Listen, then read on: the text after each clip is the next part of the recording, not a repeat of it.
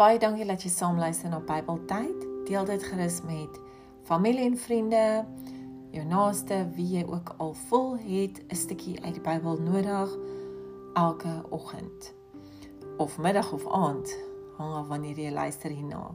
Kyk asseblief na ons YouTube kanaal.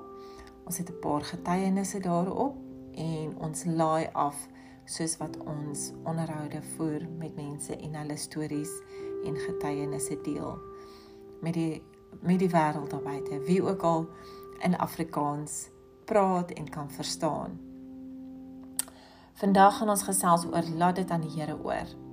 En ons lees 'n stukkie uit Psalm 34 vers 7.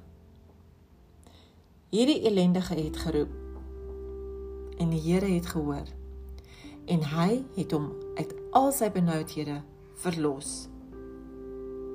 Het jy benoudhede? Het gaan jy deur moeilike tye? In die Ou Testament het mense wat oorlog uh gevoer het. Hulle het sangers en mense vooruitgestuur wat God geloof het. Hulle het mense uitgestuur sodat God se naam geëer kan word. Josafat het sy mense so voorberei. En ons lees nou 'n stukkie uit 2 Kronieke 20. En dit gaan so: Daarop maak hulle die môre vroeg klaar en trek na die woestyn van Tekoa En terwyl hulle uittrek het Josafat gaan staan en gesê: "Luister na my. Juda en inwoners van Jerusalem, glo in die Here julle God, dan sal julle bevestig word. Glo aan sy profete, dan sal julle voorspoedig wees." En hy het ook gesê: "Loof die Here, want sy goedertierenheid is tot in ewigheid." En wat het toe gebeur? En op die oomblik toe hulle die gejubel en die lofsang aanhef, het die Here 'n hinderlaag opgestel teen die kinders van Amon, Moab en die mense van die gebergte Seir wat teen Juda gekom het sodat hulle verslaan is. So Josef Josafat het goed voorbereiding gedoen. Hy het God geloof op sy hoof neergegaan en God geaanbid.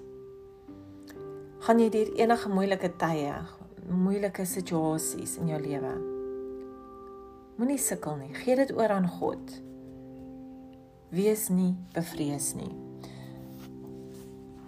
Weer is dit uit 2 Kronieke 20 vers 15 sê: Luister almal wat uit Juda is en inwoners van Jerusalem aan julle. Wees nie bevrees of verskrik vanweë hierdie groot menigte nie, want die stryd is in julle saak is nie julle saak nie, maar die saak van God. Laat dit oor aan die Here. Mag vandag 'n goeie dag wees vir jou.